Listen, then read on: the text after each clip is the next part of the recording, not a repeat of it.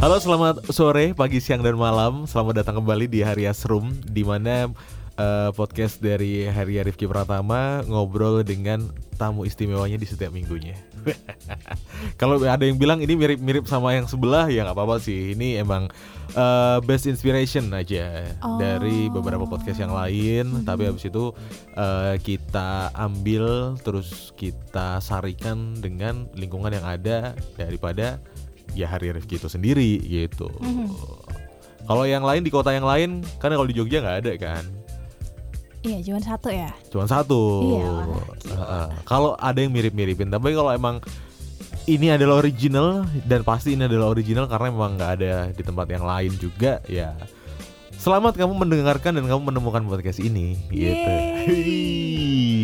Oke dan kali ini kita akan ngobrol barengan sama salah satu temen saya ya. Asik. Temen ya. Temen. Ini obrolan lain deh kalau mau yang lain ya. kita udah kenal dari 2020 sebenarnya.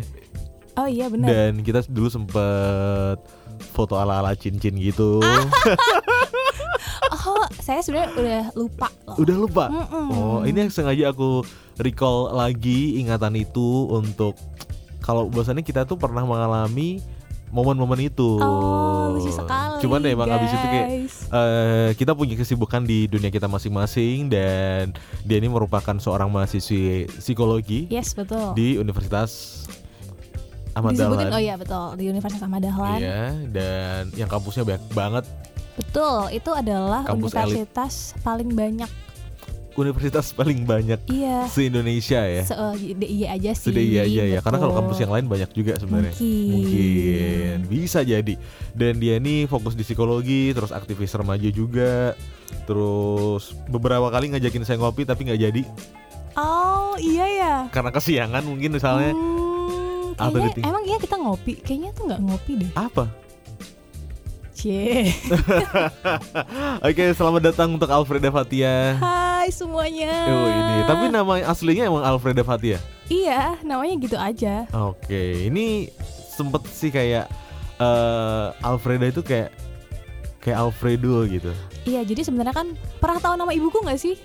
Ya enggak dong. Oh iya juga ya. Siapa Tapi kalau tahu? Pak D, Pak D kan tahu. Oh iya benar. Nah ibuku, ibu dan Pak D itu kan nama-namanya. Jadi pada waktu ibuku lahir tuh emang nama-namanya itu ada sedikit uh, campur kok campur tangan ya apa sih kayak hmm.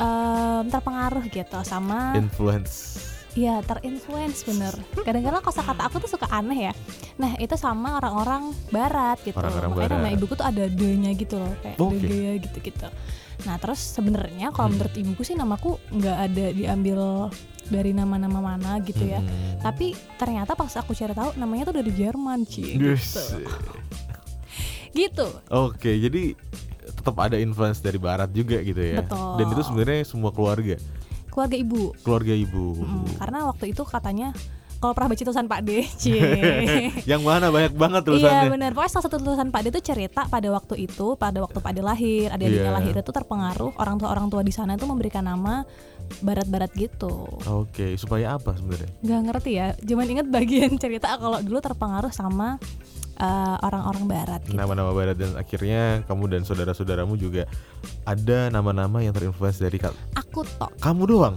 Iya. Adikmu enggak? Adikku enggak, anaknya Pak Ade enggak, hmm. anaknya Bunda yang kakaknya Ibu juga enggak. enggak. So The one and only The one and only Alfreda Fatia Ya kalau misalnya kamu penasaran profilnya bisa cek Instagramnya ya Karena dia aktif banget di Instagram ya Lumayan Lumayan Jadi kamu bisa ngelihat uh, kesehariannya dia terus curcol, curcol. Review.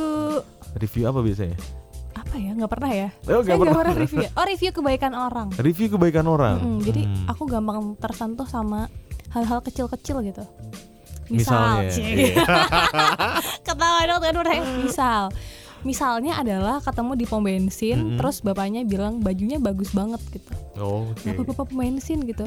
Kayak dia aja nggak pernah notice baju aku bagus banget gitu. padahal baru pertama kali ketemu. Iya gila. Itulah.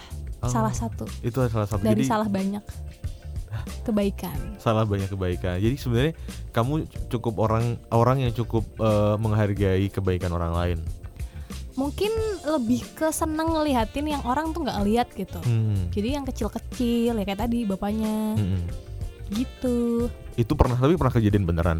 iya pernah pernah beneran terus apa lagi ya banyak tapi oh gini jadi aku pernah magang kan di Hmm. salah satu uh, BUMN cie Ya gitu udah sih sih, tinggal disebutin. nah terus habis itu soalnya nggak enak Oh nggak enak. nggak enak Oh, bukan so- nggak enak maksudnya banyak uh, banyak pada julidnya ya. hari pertama bukan bukan pada hari Oke. pertama itu jadi aku disuruh datang kan jam 8 Yang di tapi Kulon Progo itu. iya tapi aku sampai sana tuh sekitar jam setengah tujuh ya belum ada orang gak sih Iya. jam 7 terus kan aku bingung ya ini harus gimana nggak ada siapa-siapa Hmm. gitu terus habis itu dibantuin sama bapak-bapak yang nyapu itu loh Cleaning service-nya sana ya. Iya, saya tanya, Pak kenal ibu ini nggak gitu kenal, terus coba naik aja gitu. Nah ya udah, jadi itu salah satu kebaikannya si bapak itu. Hanya dengan dia nunjukin apa yang kamu butuhin waktu iya, itu gitu karena ya. itu beneran nggak tahu mau nanya sama siapa, Mm-mm. terus eh, nggak tahu gedungnya sebelah mana. Karena kan di sana tuh gedungnya Sebenarnya ada beberapa ya kantor. kantornya. Jadi kantor tuh ada, jadi ada kantor si A, si B, si C Hmm. gitu. Jadi memastikan apakah saya di kantor yang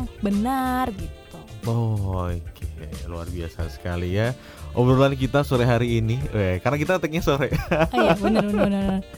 Dan sebenarnya Jogja kali ini lagi hujan ya Hujan seharian. banget, Hujan banget Terima malah. kasih ini buat panggilannya ya ya sih kalau aku selama ini manggilnya. Iya, boleh. Tapi teman-teman manggilnya apa sih? Uh, sebenarnya itu terbagi menjadi dua Oh, golongan. Wis- bukan bukan circle sebenarnya kenalnya pas kapan kalau misalnya kenal dan kenalnya di mana sih Oke. wah gimana tuh ya ini jadi penting gak sih kayak gini tuh orang dengerin penting gak ya kayak aduh ntar Penting, too penting, much nggak ya gitu Enggak, enggak, enggak. Ini Jadi, penting, penting semua. waktu aku masih Hmm. kecil banget panggilannya kan Tia Oke. ya jadi terus Iya. waktu aku Tia tuh kayak keluarga teman-teman ibuku teman-teman bapakku itu Tia terus waktu aku SD tuh Hmm. panggilannya Fatia Fatia, Mm. Terus pas aku SMP karena aku sekolah asrama, asrama. Tapi kayaknya aku lupa ya apakah itu teman seasrama, sekamarku, Hmm. apa sekelas tuh namanya Fatia juga. Terus akhirnya aku ya udah deh Fafat gitu. tapi waktu itu juga orang tuh ada yang manggil kayak Alfred Alfred. gitu, Alfreda gitu. Tapi mayoritas teman-temanku panggilnya Fafat. Itu teman SMA aku, Hmm. pokoknya kenal waktu SMA sampai SMA Fafat. Nah pas masuk kuliah, Mm-mm. Aku pengen mengganti uh, panggilan lagi gitu. Karena Fafat tuh suka kayak begini loh, uh, si si Jiloro telu papat, Papat. gitu. Jadi Wah. terus kayak orang siapa gitu kayak aku tuh pengen orang sekali aku ngomong dia inget gitu.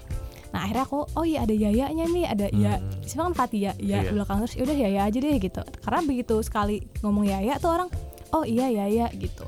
Walaupun sebenarnya kan Yaya doang yang nggak pakai kak, tapi orang Iya. tuh manggilnya jadi Yaya, jadi Yayang, karena karena Jawa ya. Mm, terus Jawa, jadi Yaya. heeh. Ada yang pakai Yaya, Heeh. ada yang Yai doang gitu. Oh, ma- makanya ada beda-beda yang Fafa. Iya.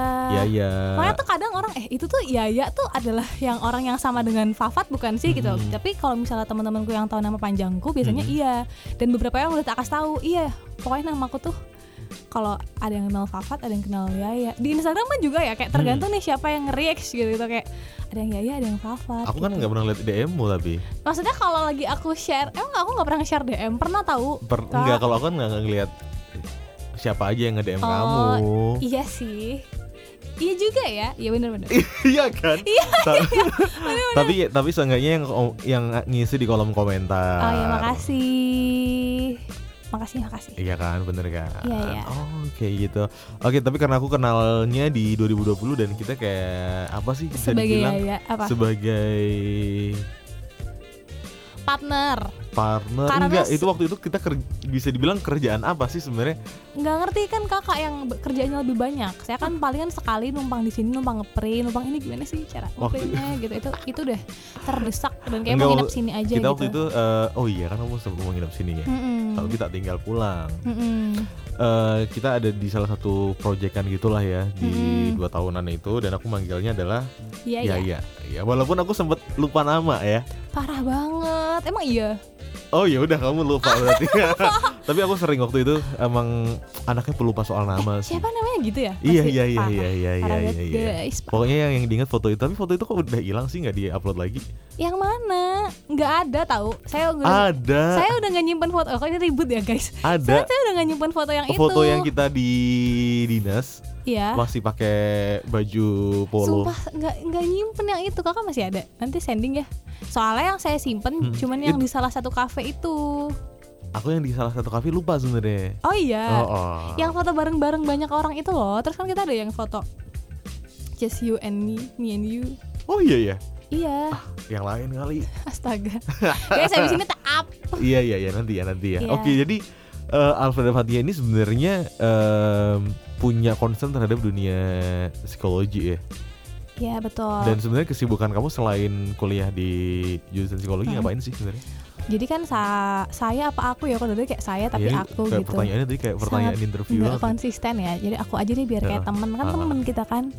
Nah jadi aku itu sekarang eh, masih jadi bagian dari eh, bidang advokasi Bidang PW advokasi. IPM DIY. Hmm. Mungkin beberapa yang nggak tahu IPM, IPM itu salah satu organisasi otonom di Hmm. bawahnya Muhammadiyah. C ada bunyi notif guys. Ini eh, Pak Haidar Nasir Oh iya, alhamdulillah. Itu ini ya mahasiswa yang itu ya. mahasiswa gitu. WAD ya.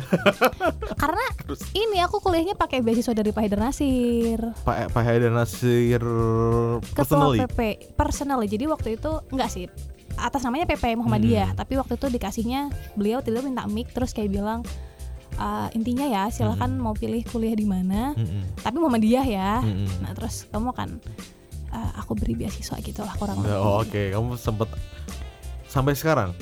Ya kan sekarang udah nambah sembilan? enggak. Jadi enggak enggak sebenarnya hakku itu lima tahun. Oh, jadi Tapi- masih ada satu semester lagi. Enggak, tapi karena waktu aku masuk tuh dan eh, yang hari ini pimpinannya berubah, jadi waktu aku konsultasi PWM-nya. bukan PWM-nya di kampusku, Oh, oke. kampusku berubah eh, struktur, Hmm. jadi eh, akhirnya ya udahlah gitu.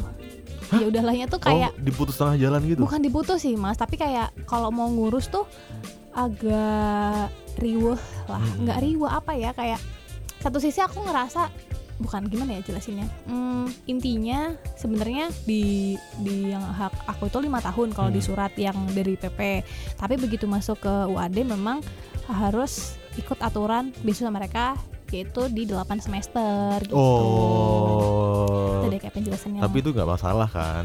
Nggak masalah masalah. Oh, Oke, Da- dan kamu sebenarnya kesibukannya di IPM, PP IP. IPM. Eh, di PW di advokasi Mm-mm. kalau di PP IPM-nya di lembaga pustaka Oh, beda ya. beda Oh, Oke, that's why kamu sering bolak-balik akhir-akhir ini aja Jogja Jakarta. loh Karena emang lagi ada kegiatan kah atau gimana Nah, sebenarnya? tapi sebenarnya kegiatan yang tak ikutin itu Mm. justru kaitannya sama advokasinya gitu. Advokasinya. Ya, kalau Hmm. lembaga kan karena based on-nya itu di DIY, Mm. tim tim kecil aku, Cik. Keluarga kecil aku kok dengerin aku menyebutkan kalian gitu. Nah, itu based on-nya Nanti di di-share biar mereka dengerin juga Ya, sih. based on-nya tuh di Jogja. Satu sih di Jogja. Malaysia. Jadi Mm-mm. dan arsip-arsip tuh banyakannya di kantor Jogja kan kantor PPIPM tuh dua satu Hmm. di Jogja satu di Jakarta jadi karena banyakannya di Jogja jadi ya udah di Jogja aja nah ke Hmm. Jakarta tuh sebenarnya eh, acara-acaranya justru acara-acara yang berkaitan sama bidang advokasi Oh, Oke, paham paham paham. Meskipun kamu sebenarnya kalau tingkat pusat itu adalah bidang literasi tadi, bukan bidang lembaga, Lembaga. jadi bukan pimpinan Heeh,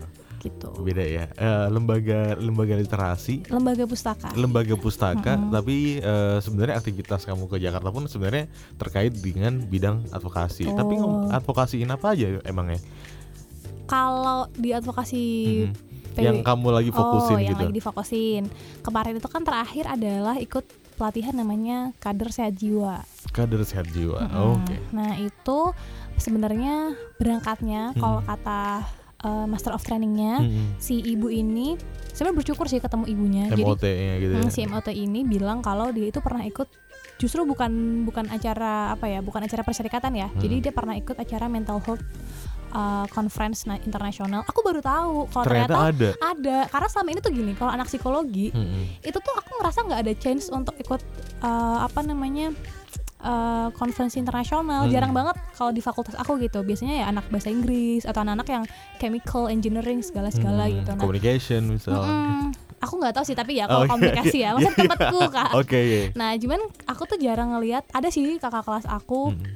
tapi uh, apa ya uh, jumlahnya tuh nggak sebanyak kalau anak-anak fakultas yang mungkin belajar bahasa Inggris gitu. Okay. Terus dia cerita dia sebelum bikin itu tuh dia pernah ikut itu makanya terus berapa tahun kemudian dia bikin itu. Nah ya udah jadi uh, dan sebelumnya aku hmm. sempat ikut uh, peer counselor jadi peer counselor. Of, training ya training training of trainer ya training of trainer training of trainer untuk hmm. nanti bisa ngebikin agen-agen konselor uh, teman sebaya di tataran wilayah, daerah dan ranting seterusnya gitulah mm -hmm. gitu. Jadi berarti yang sedang kalau aku pribadi yang difokuskan berarti ke sana promosi kesehatan mental. Promosi kesehatan mental dan itu sebenarnya difasilitasi dan diorganisir sama teman-teman dari PPIPM itu tadi.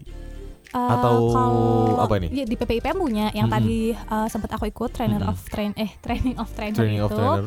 itu adalah kolaborasi tiga bidang advokasi, hmm. kesehatan dan Ipmawati. Jadi kalau Ipmawati itu fokusnya ke isu-isu yang gender hmm. kayak gitu-gitu kan. Nah, itu bikin sih uh, tadi ya apa sih peer counselor peer gitu. Counselor. Jadi uh, itu masuk di tempat uh, aku sebagai agen advokasi di IPMDIY gitu.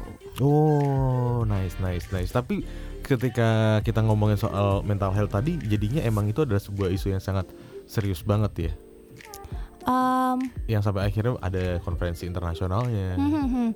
mungkin uh, hari-hari kemarin hari-hari hmm. kemarin atau dulu-dulu banget gitu ya atau kemarin bahkan mungkin hari ini nggak hmm. sebenarnya nggak semuanya itu uh, merasa itu penting okay. contohnya apa contohnya misalnya masih ada sebagian dari orang tua yang ah enggak kemarin tuh baru aja di postingan uh, siapa ya mm-hmm.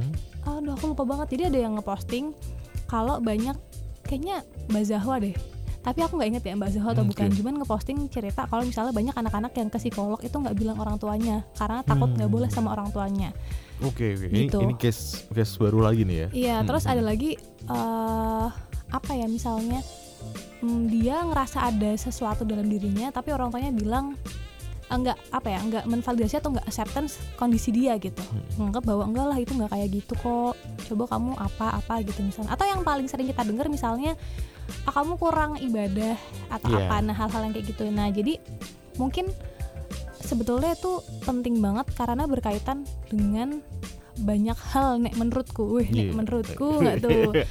nek menurutku. Gitu. Kayak menurutku gitu. Nah, okay, tapi okay. jadi menurutku tuh masih ada yang udah ngerasa itu penting, hmm. tapi masih ada yang ngerasa bahwa enggak lah gitu. Biasa yang kita tuh yang biasa-biasa aja yeah, lah iya, gitu. Iya iya iya iya iya iya. Oke oke oke. Aku sempat ngerasa ketika ngelihat satu kasus soal kesehatan mental gitu mm -hmm. ya. Kadang tuh ngerasa ah kamunya aja mungkin yang sebenarnya tuh nggak apa-apa, cuman kamunya aja yang mungkin terlalu apa ya sensi, over, apa gimana? over overreact gitu mm -hmm. misalnya. Aku bahkan mm -hmm. sering kayak batin aja sih kayak ah masa batin doang batin oh, serius oh, batin karena doang. Iya. kalaupun sampai aku bilang ke temanku itu kayak yeah. dalam tahapan yang mungkin aku emang udah sampai yang apa aku udah capek dengerin okay. lagi sampai aku akhirnya bilang kayaknya kamu kalau misalnya aku bilang overreact gitu tapi hmm. kayak mending tapi tak saran juga untuk yeah, mending yeah. datang langsung ke ahlinya gitu yeah, loh yeah, karena yeah. ibaratnya ketika aku mendengarkan orang yang sebenarnya punya keluhan hmm. special case hmm.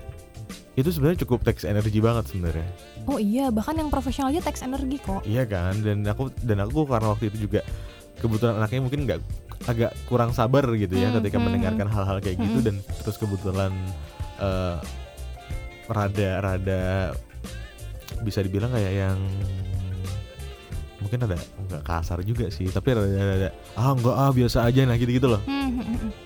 supaya kayak menina bobokan dia gitu hmm. supaya uh, dia tuh ngerasa sebenarnya dia tuh baik-baik aja gitu nah hmm. aku tuh ngerasa heran sebenarnya ketika ada anak-anak yang kayak gitu juga gitu loh ah, aku tuh kayaknya uh, kenapa sih masalahku begini kenapa sih masalahku begini hmm. dan aku juga bukan berarti aku mau menyelesaikan masalahnya dia juga sih yeah. gitu dan ketika disangkut pautkan sama mental health ya ternyata memang kadang dari masalah-masalah itu bisa membawa kepada hal-hal yang sebenarnya nggak terduga juga misalnya? Maksudnya misalnya misalnya, misalnya ada yang akhirnya teman-teman gue tuh gambar. Hmm. ya gambar mungkin kalau buat kamu yang dengerin gambar itu adalah apa ya gak halusnya? Ini tuh mau bilang langsung yang oh, oh yang itu. Iya gimana ya cara ngomong yang halus juga? Aku dia nggak dia ngerti melukis kak dia melu- melukis kayak melukis tuh bukan kalimat yang tepat tau kak bukan melukis ya bukan melukis melakukan iya pokoknya dia itu melakukan sesuatu terhadap salah satu anggota tubuhnya dia Yes. Iya. ini Untuk- semoga yang dengar paham juga iya, ya untuk- gitu untuk menimbulkan rasa sakit Iya. Iya, untuk menimbulkan rasa sakit yang Mm-mm. sebenarnya kalau aku tanya ke teman-temanku itu Mm-mm. pernah yang ya karena dia bingung untuk rasa sakit lagi dan Mhm. dia sampai nggak ngerasa sakit lagi makanya dia melakukan itu Iya, gitu. iya. Mm. Ya sampai akhirnya ada beberapa kasus kemarin yang ramai juga di Jogja Iya, yang betul. dia memutuskan untuk loncat gitu Iya. kan. Jadi kayak wow, nekat juga ya nih orang-orang itu dan aku itu aku rasa itu bagian dari pentingnya kesehatan mental juga ya. Betul, tapi sebenarnya mungkin nggak nekat sih kak. Tapi kayak nggak Hmm. ada, mungkin dia nggak ada pilihan lain gitu. Yang Hmm. yang tersedia di dalam pikiran dia saat itu tuh nggak ada pilihan oke. lain gitu, gitu. Dan eh, makanya banyak kan Hmm. kampanye yang menggam melukiskan kupu-kupu atau Hmm. nama orang yang dia sayang di bagian tubuh itu supaya tidak dilakukan sesuatu yang tadi ya Menyakitkan itu tadi. menyakitkan itu Hmm. tadi. Jadi, Jadi- kampanyenya ada tuh, tapi saya lupa hari apa ya namanya. Cuman ada. Jadi sebenarnya kayak mengalihkan ya. Mm-mm. Lebih ke mengalihkan eh, orang-orang yang mungkin ingin merilis stresnya itu tadi betul. tapi melakukan hal-hal yang tanpa dia membuat rugi untuk dia sendiri Betul. sebenarnya. Oke. Oke, ini jadi menarik banget ya. Dan akhirnya kenapa sih kita harus aware terhadap kesehatan mental Mm-mm. kayak gitu karena mungkin memang banyak masalah-masalah orang yang dihadapin gitu Kayaknya hidup kita tuh selalu ada masalah loh nah mas. ini nih ini nih juga yang aku yang aku jadi poin gitu Iya iya. kalau misalnya orang itu menyalahkan masalah Mhm. tapi sedangkan masalah itu kan akan selalu ada kayak gitu Mm, mm, mm. eh sampai aku dengar ada istilahnya nih kalau Hmm. anak-anak yang tahun 80-an itu mereka Hmm. kalau dimarahin ya mereka akan lebih ke evaluasi. Mm, mm, mm. Kalau anak-anak 90-an mungkin mereka akan ngedumel doang. Tapi ketika anak 90-an tiba-tiba dia akan bikin thread di Twitter, lebih ekspresif ya. lebih ekspresif Hmm, gitu dan hmm. lebih ngerasa kayak aku tersakiti kayak gitu Nah, tanggapanmu melihat fenomena kayak gitu tuh gimana sebenarnya? Oke, em, yang pertama gak bisa disamain setiap generasi ya karena Ini tapi ini episode emang ini rada serius sih gila karena emang kemarin bisa ada kejadian gitu ya. Iya, di jadi deg-degan loh ini dari tadi udah deg-degan jadi deg-degan lagi. Karena gue biasanya kalau teks serius room tuh pasti kita ketawa-ketawa. Oh iya ya. Sumpah. Oh. Tapi karena kamu aduh. Sejak kamu datang ke ruangan ini jadi kayak yang dia udah preparing ke- kertas yang berisi catatan-catatan. Semoga itu kertas ber- bermanfaat nanti kamu sampaikan aja. Aduh, aduh. Iya iya iya. iya.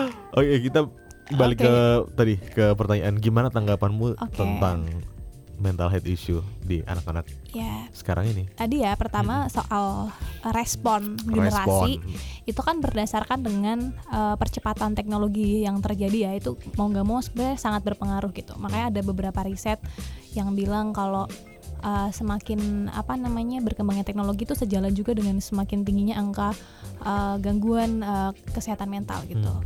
nah menurut aku melihat itu tuh apa ya? Misalnya gini maksudnya satu sisi nih aku ya ini Iya. aku lagi nggak tuh bahasanya Enggak apa-apa. Aku Kamu ngelihat- sebenarnya ingin bermain aman ih karena daripada didengerin senior-seniormu. Iya lah gila ini jadi menurutku tuh Iya. uh, wajar aja gitu kalau ada komentar ah gitu aja nggak kuat gitu aja nggak Iya. sanggup karena mereka waktu itu mungkin lebih berat dari kita gitu loh kak Iya. dan mereka sanggup gitu Iya. waktu itu nah terus anak-anak yang hari ini mungkin uh, ceritanya di sosial media Mm-mm. ya karena barangkali uh, saja itu ada penelitiannya ya tapi aku nggak inget kak cuman aku pernah dapat Iya, satu sajani itu adalah sebenarnya. karena waktu itu kan aku penelitiannya tentang patah hati. Nah terus ada satu penelitian yang bilang eh, dampak patah hati kenapa orang tuh sering cerita beberapa orang tuh ceritanya ke sosial media gitu. Hmm. Nah eh, anak-anak yang misalnya teman-temanku atau Hmm. misalnya teman-teman kita gitu yang respondenmu eh, nggak respondenku sih beda soalnya. oke beda Nah itu kenapa akhirnya bikin thread di Twitter atau mungkin nge apa ya nge-snapgram atau mungkin di apa story WA kali ya atau apa lagi ya media-media itu. Karena mungkin bikin akun alter eh, eh, satu sisi kan di atau bikin di second account gitu ya. Karena satu sisi itu mungkin mereka ngerasa di situ loh yang safe untuk ngomong gitu. Di situ loh yang eh, mereka nggak dihakimi misalnya. Ataupun kalau kemudian dihakimi at least waktu dia nulis pertama kali itu nggak ada yang menyanggahkan kalau kita ngobrol sama teman barangkali ya Iya. sebagian dari kita tuh mungkin masih yang kayak hah gimana masa gitu. gitu, sih Nah, Ya, kayak gitu. Jadi, benar benar benar, benar. Eh, apa ya eh, re- eh, respon-respon kita yang mungkin dia tuh jadi gelo apa sih kecewa gitu kok Iya. kamu responnya gitu padahal dia mungkin berharap besar nih sama kita ketika Hmm. cerita pertama gitu atau dia selama ini merasa eh, orang-orang yang buat dia cerita tuh nggak cukup memvalidasi perasaan dia Hmm. atau ya tadi ngejudge gitu jadi kan dia ngerasa oh mungkin emang di sini nih tempat yang eh, mungkin Safe. ada beberapa kan gini ya kak kalau di twitter tuh kan beberapa ngerasa relate Hmm. Iya terus jadi cerita tuh yang lain gitu Hmm. kan. Jadi kan ngerasa emosinya tuh ter- diterima gitu. Atau ngerasa ya di sana kan bisa apa memalsukan identitas ya. Jadi Hmm. atau kayak kadang ada yang cerita tapi pakai face face gitu apa sih mas yang kayak uh, akun-akun Eh, yang fanbase. fanbase Bukan- atau apa yang nggak perlu menunjukkan namanya Betul, yang betul, dia betul, bisa betul. cerita gitu sih kayaknya. dan itu emang apa namanya eh tanpa dipungkiri aspek dari perkembangan teknologi itu mempengaruhi itu ya Mm-mm. karena mungkin kalau orang anak zaman dulu anak 80-an ya mereka setidaknya main paling di buku diary kali ya Iya mungkin ya dan mungkin kan dulu tuh optionnya nggak banyak kan kak. Optionnya Maksudnya nggak banyak. kayak mau cerita ya udah misalnya orang-orangnya semuanya juga kayak gitu kan mungkin Hmm. susah.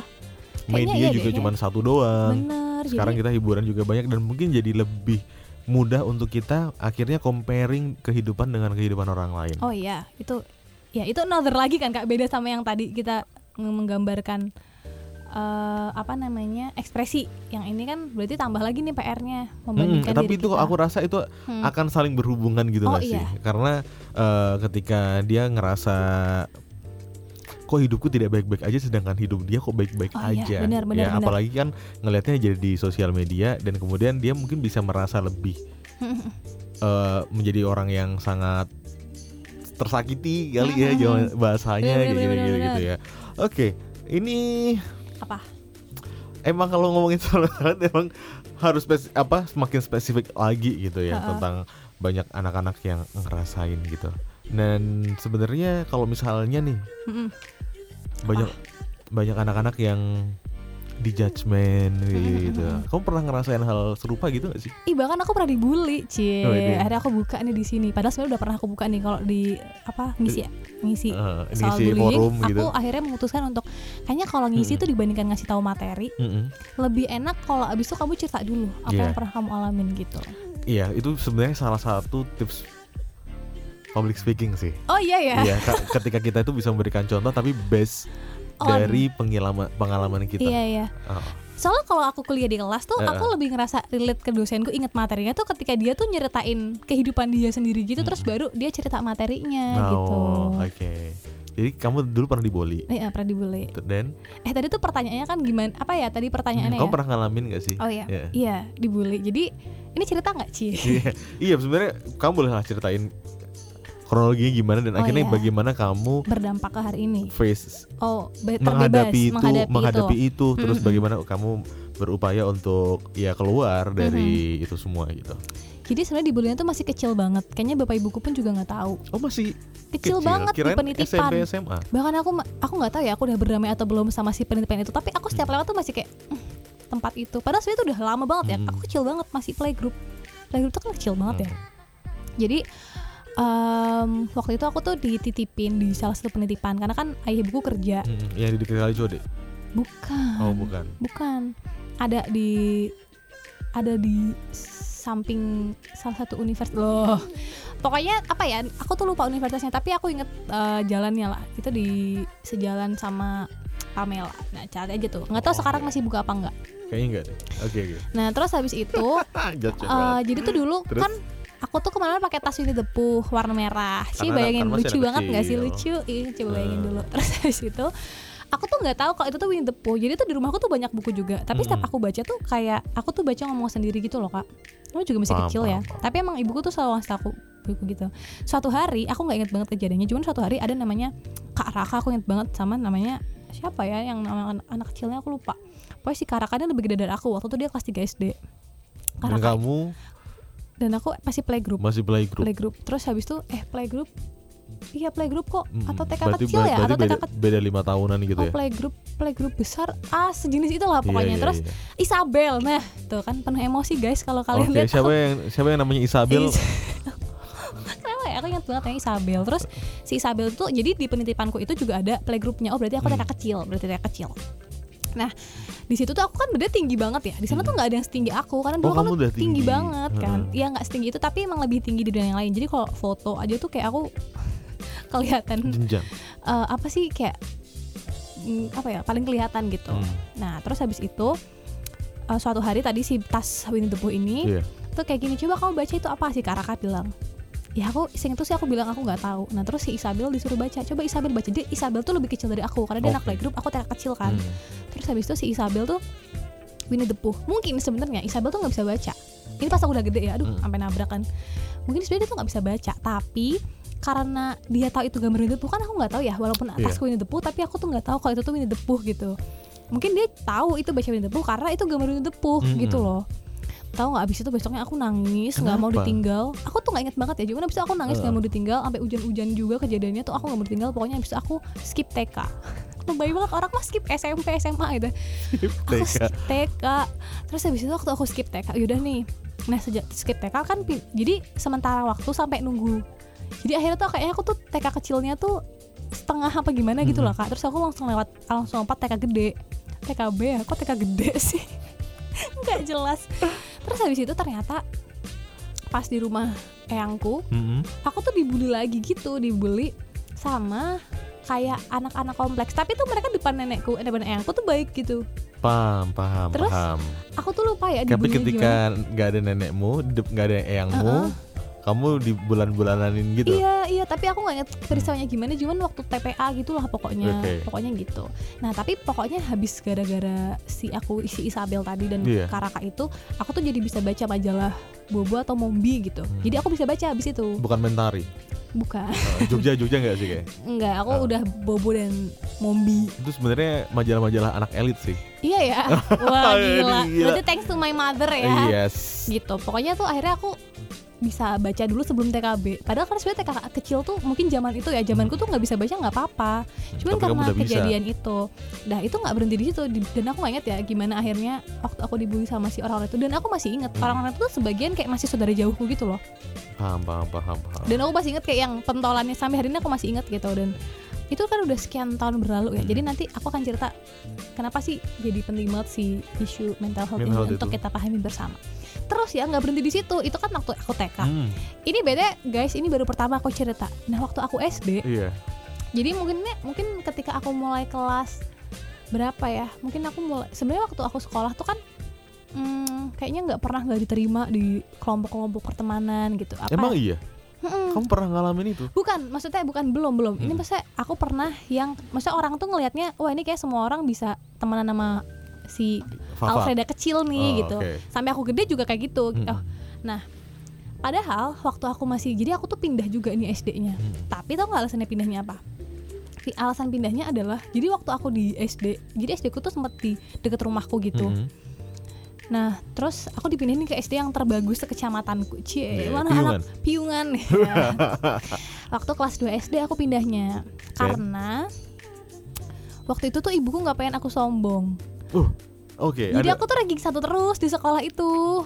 Okay, gila. Terus gila. aku pindah sekolah tau nggak rankingnya langsung turun tiga lima eh tiga, ranking dua dulu terus ranking jadi setiap naik kelas tuh turun. rankingnya turun nggak tahu kenapa ya kayaknya bisa aku main-main deh nggak ngerti explore explore gitu kali ya. Terus aku inget banget ada kakak kelas aku tuh tiba-tiba nulis surat. Waktu hmm. aku baru jadi anak baru kelas 3 atau kelas 4 ya yeah. nulis surat gitu. Pokoknya dia tuh gak suka sama aku nggak ngerti apa alasannya. Oh, anak kelas 6 tuh waktu itu. Ngirim suratnya bukan confess tapi bukan. Bukan confess perasaan tapi lebih ke gak bilang gak gitu. suka ya. Dan aku masih inget juga itu si kakak itu okay. gitu. Cewek? Cewek. Oh, okay. suka. Padahal kan perasaan aku nggak cantik ya waktu itu. Sampai sekarang udah ngerasa nggak yang cantik sama kakaknya kayak cantik kakaknya gitu kan. Maksud kalau ini soal kecantikan ya. Okay. jadi aku nggak tahu kenapa exactly. Dan aku nggak inget ya akhirnya akhirnya gimana gitu. Uh, uh, karena udah lama banget waktu iya. itu. nah terus ternyata tuh efeknya ketika aku rada gedean adalah uh, aku berusaha untuk belajar nggak belajar sih sebenarnya kayak tapi kalau sekarang orang ngelihat aku itu bisa blend sama hmm. beberapa golongan tuh karena dam mungkin dampaknya kebetulan di aku positif ya dampaknya kak kamu bisa ngolah uh -uh, kebetulan tuh anaknya resilient resilient tuh tangguh, tangguh. karena aku ngerasa abis itu tuh justru aku tuh mudah masuk ke siapa pun karena aku berusaha untuk menyamakan dengan siapa kelompoknya. Yeah, Jadi yeah. kayak misalnya kenapa aku bisa ngomongin Korea, terus tahu-tahu bisa ngomongin hari ini artis siapa yang lagi ini itu sampai aku gede sampai hari ini. Hmm. jadi mungkin uh, dampak positifnya itu tapi dampak negatifnya adalah aku tuh takut banget ditolak. Jadi makanya waktu hmm. aku ikut lomba gitu aku tuh harus mesti jadi aku harus mastiin aku tuh menang apa enggak. Kalau aku nggak menang aku pulang langsung. Jadi aku tahu aku selalu tahu aku akan menang atau enggak itu aku selalu tahu. Dan itu terjadi ketika di 2020 waktu itu juga? Iya itu juga aku tahu. Jadi aku tahu bakal nggak menang dan kamu pulang enggak sih kalau yang itu udah nggak pulang kan ada kelas psikologi oh oke okay, oke okay, oke okay. itu waktu aku SMP SMA itu waktu oke okay, ini waktu kamu SMP waktu aku kuliah sih okay. udah oh enggak itu nanti ada lagi ya ceritanya okay. nah terus habis itu uh, dampak pertama tadi ya aku jadi belajar untuk bersikap ke orang lain walaupun hmm. kan aku nggak ngerti salahku di mana ya maksudnya iya. waktu yang waktu aku SD kayak aku nggak ngerti salahku di mana terus hmm. tapi aku juga nggak bilang bapak ibuku nah ini okay. banyak anak-anak kan bermasalah tuh nggak berani ngomong sama orang tuanya hmm. mungkin aku tuh bukan yang nggak berani tapi kayak ngapain maksudnya. Orang tua aku tuh bukan tipikal yang reaktif kan ada nih hmm. dulu tuh ibunya teman aku eh teman aku sempat dibully juga terus nggak dibully tapi aku lupa apa ya cuman ibu sampai datang gitu sampai ke aku minta tolong oh paham paham orang tua orang tua yang, yang cukup perhatian iya, sama anak gitu. kehidupan anaknya di sekolah gitu ya. iya. ya nah aku tuh ngerasa bapak ibuku tuh bukan yang bakal ngebelain hal yang oh, sama. maksudnya tapi lebih ke percaya ah maling kamu bisa ngelakuin sendiri gitu atau eh, memang mungkin eh, bapak ibuku tuh percaya proses anak-anak kayak misalnya solve sendiri gitu kali ya entah cuman aku ngerasa gitu bapak ibuku bukan yang tipe belain terus apa gitu mm -hmm. kayaknya enggak jadi aku nggak ngomong juga nah ini yang yang hari-hari ini banyak terjadi itu kan banyak dari kita yang punya masalah tapi mungkin bukan nggak mau ngomong tapi nggak ngerti ngomongnya gimana kayak aku kan waktu masih kecil tadi yeah. aku iya. nggak ngerti ngomongnya gimana okay. Terus yang kedua dia nggak ngerasa punya tempat. Walaupun nek aku bukan nggak ngerasa punya tempat. Hmm. nek lagi apa sih ini?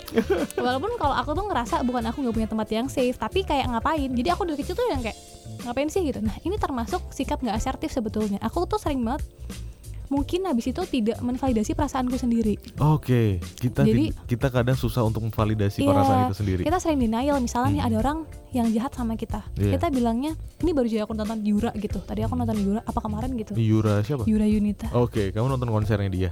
Bukan. Oh enggak. Um, salah satu sesinya dia ngobrol gitu lah. Oh oke. Okay. Ini Terus, spesifik dong. Saya kamu nonton Yura di oh, iya, di. Bener juga, bener juga, bener bener. Oke, okay, terus. Jadi si Yura tuh cerita. Cerita. Dan aku ngerasa itu relate sama aku gitu. Hmm. Misalnya ada orang yang jahat, oh nggak apa-apa kok nggak apa-apa. Jadi kita tuh lebih senang aman dibandingkan untuk berkonflik. Melawan. Karena iya. tadi kan aku punya pengalaman masa kecil yang di reject ya. Yes. Walaupun secara keluarga besarku tuh nggak ada yang reject, hmm. tapi kayak di luar aku tuh reject. Nah, nah ini yang aduh gimana ya jelasinnya yang biar runtut. Ada kaitannya nih. Ketika hmm. Bonding di sekitar dia itu kuat, hmm. anak ini tuh bisa kuat, Mas. Uh, dan bonding sekitar dia itu sebenarnya intinya berawal dari keluarga. Iya. Oke. Okay, gitu. Benar. Makanya aku tuh waktu ngisi tapi ya Mas, aku sering bilang aku minta maaf kalau teman-teman tuh mungkin punya keluarga yang kurang suportif yes. nggak semua kita punya uh, keluarga yang mendukung hmm. kadang kala tuh keluarganya bukan nggak pengen dukung mas walaupun ada tahu. ya walaupun ada ya oh. keluarga yang benar nggak support ya tapi kadang kala orang tuanya tuh memang nggak terbiasa ngekspresiin misalnya nggak hmm. terbiasa untuk ngapain lah gitu misalnya nah terus uh, balik lagi ke kronologi kamu tadi Iya, uh. terus habis itu uh, aku selalu tahu kalau aku kalah pasti aku mundur cabut dong cabut nggak akan ikut juga terus aku tuh jadi juga rada cemen dikit gitu loh karena misalnya minder gitu nggak minder kebetulan ya syukurnya nggak minder cuman okay. Gimana ya jelasinnya? Jadi gini misalnya nih waktu itu ya waktu aku aku pernah ketolak nih sekolah mau sekolah ke luar negeri gitu hmm. misalnya. Ya udah terus Malaysia? Singapura. Oh Singapura. Kelas 3 waktu tuh terus habis itu aku ketolak lagi ke Amerika apa kelas 1 atau 2 SMA gitu. Hmm. ya udah aku nggak mau coba lagi. Kayak aku ngerasa kayaknya emang itu kejauhan buat aku deh gitu. Hmm. kan nggak boleh gitu ya. Maksudnya kalau kita belajar hari ini tuh ya oke okay, waktu itu belum kesempatannya mungkin aku harus improve lagi. Jadi kayak evaluasi. Uh, uh, acceptance dulu. Ya udah nggak apa-apa gagal sedih boleh nggak apa-apa. Tapi habis itu jangan menghentikan kamu gitu. Yes. nah terus habis itu uh, kar jadi mungkin karena tadi ya di keluarga besarku tuh sebenarnya lumayan suportif. Hmm. jadi mereka tuh lumayan heboh banget gitu sama pertumbuhanku. Hmm. Walaupun tadi secara akademik rada acak-acakan ya habis itu. Nah itu yang kemudian membuat aku kayaknya nggak merasa bahwa gangguan di luar tadi hmm. gangguan si bullying itu destruktif ke dalam diriku. Walaupun sebenarnya okay. mengikis sebagian dari diriku ya karena kan tadi jadi yes, yes. sedikit nggak yakin kalau hmm, ikut sesuatu gampang, takut kerja gampang jiper sebenarnya. Mm, gampang jiper. Maka aku sering ngomong jiper kan. Ya akhirnya tahu bahasa jiper kan. Bisa kakak nanya jiper apaan sih? Iya iya iya iya ya. karena mungkin aku tidak terlalu paham dengan apa yang kamu maksud dengan jiper. Iya iya iya, iya. aku jiper banget gitu. Uh. Jadi kayak kalau orang lihat gitu, kayaknya dia tuh confident banget. Tapi sebenarnya aku tuh adalah tim yang sering diyakinkan teman-temanku bahwa aku tuh bisa. Jadi hmm. setiap apa pun tuh aku butuh di diyakin. Aku tetap maju mas, tetap iya. gas. Tapi aku perlu diyakinkan. Nah titik balikku sebetulnya itu sebetulnya bukan di aku tadi sekolah waktu aku tahu aku menang uh, oh, oh. kalah gitu ya enggak tapi ada satu bukan ketika kamu ambil psikologi Enggak, okay. ah, ada turbulensi besar banget di 2019 Naik atau... pesawat apa kok ada turbulensi segala? Ter turbulensi Turbulensi dalam uh, kehidupan ya maksudnya ya? Iya, yang okay. itu tuh apa? Sangat merubah seluruh perspektifku. Okay. Kayak tadinya kan, Mas gara-gara aku dibully, hmm. ada pengalaman rejection tadi, penolakan. Hmm walaupun aku satu sisi di backup keluarga besarku ya secara emosionalnya jadi 50-50 kan. Hmm. itu aku tuh jadi perfeksionis. Hmm, oke. Okay. oke okay, jadi cewek tuh aku sempat mikir ya jadi cewek tuh nggak boleh bergantung sama cowok. Harus menunjukkan bahwa kita tuh bisa lebih dari laki-laki. Gitu gitu yes, sempet. yes, yes. bukan toxic masculinity justru ya ini jadi kayak over overthinking. Nggak overthinking bukan ya. overthinking ya. Ya perfeksionis tadi. Jadi lebih ke perfeksionis tadi sih hmm, kayak aku harus uh, oke okay secara akademik, aku mm -hmm. harus oke okay secara organisasi misalnya. Aku supaya sebenarnya kamu nggak ada yang ngalahin. Bukan, supaya orang terima aku. Bukan sih, tapi kayaknya tuh bukan karena biar orang terima aku, cuman kayak Sup orang supaya ada atensi sama kamu. Nggak ada celah aja untuk jatuhin. Nggak menerima aku. Kayaknya okay. gitu deh. Paham, paham, paham. Kayaknya gitu. Terus supaya orang-orang tidak ngerijek.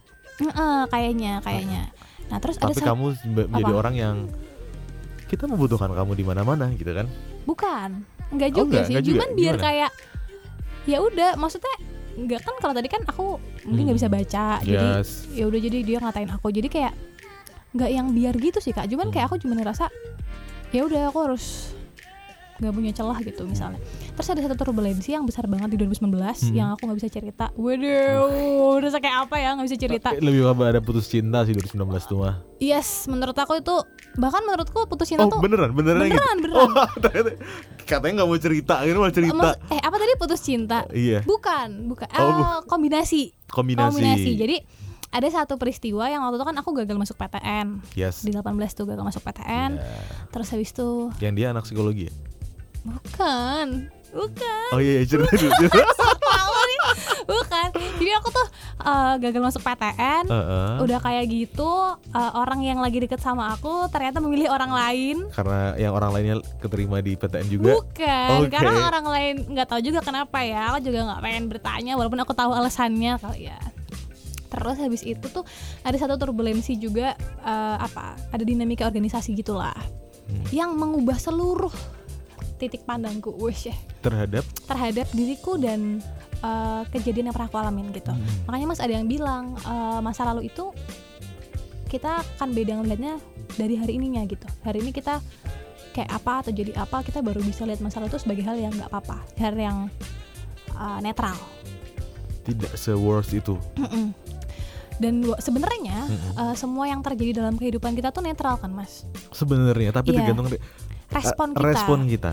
Hmm. Jadi bukan pada masalahnya, hmm. tapi kita ngeliat masalahnya gitu. Nah, jadi si 2019 itu mengajarkan saya bahwa hmm. oh ternyata tuh hmm, di dunia ini itu mau kita susun sedemikian rupa, dia tuh nggak akan pernah oke okay terus loh.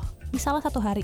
Iya, iya, iya. sebenarnya iya, iya. Iya kan, misalnya iya. sehari kita tuh seneng nih, ada nih kan, misalnya nge-tweet baru juga abis seneng-seneng apa gitu, hmm. terus tahu-tahu jadi apa sedih atau ada kabar hmm. gak bagus gitu tapi sebenarnya tuh setiap hari tuh kita kayak gitu kita misalnya nih um, hari ini Jogja hujan misalnya hujan misalnya awalnya mau ngedate gitu ya uh, uh.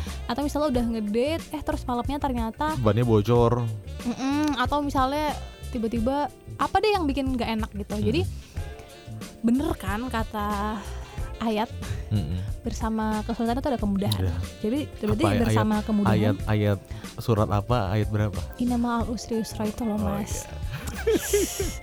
aku juga lupa itu surat apa ya pokoknya fa'ina mal usri fa'ina mal iya. usri jadi alin siroh iya ya alin siroh ya aku alin lupa ayatnya cuman aku eh aku lupa itu surat apa cuman aku inget hmm. ayat itu gitu eh bukan bukan bukan mas bukan itu apa yang ayo layu kali suahu hmm, mas iya nggak sih? Inamal usrisa inamal usrisa kan bersama kemudian ada kesulitan. Iya, iya. bener nggak sih? Nggak tahu nggak tahu. Aku takut banget aku juga takut nah, iya. catatanmu mana catatanmu mana? Enggak, aku nggak ngeliat ayatnya. Cuman kalau nggak salah? Inamal usrisa fa inamal usrisa iya Iya, sih? oke oke. oke. Cek cek coba Ini aku cek dulu ya.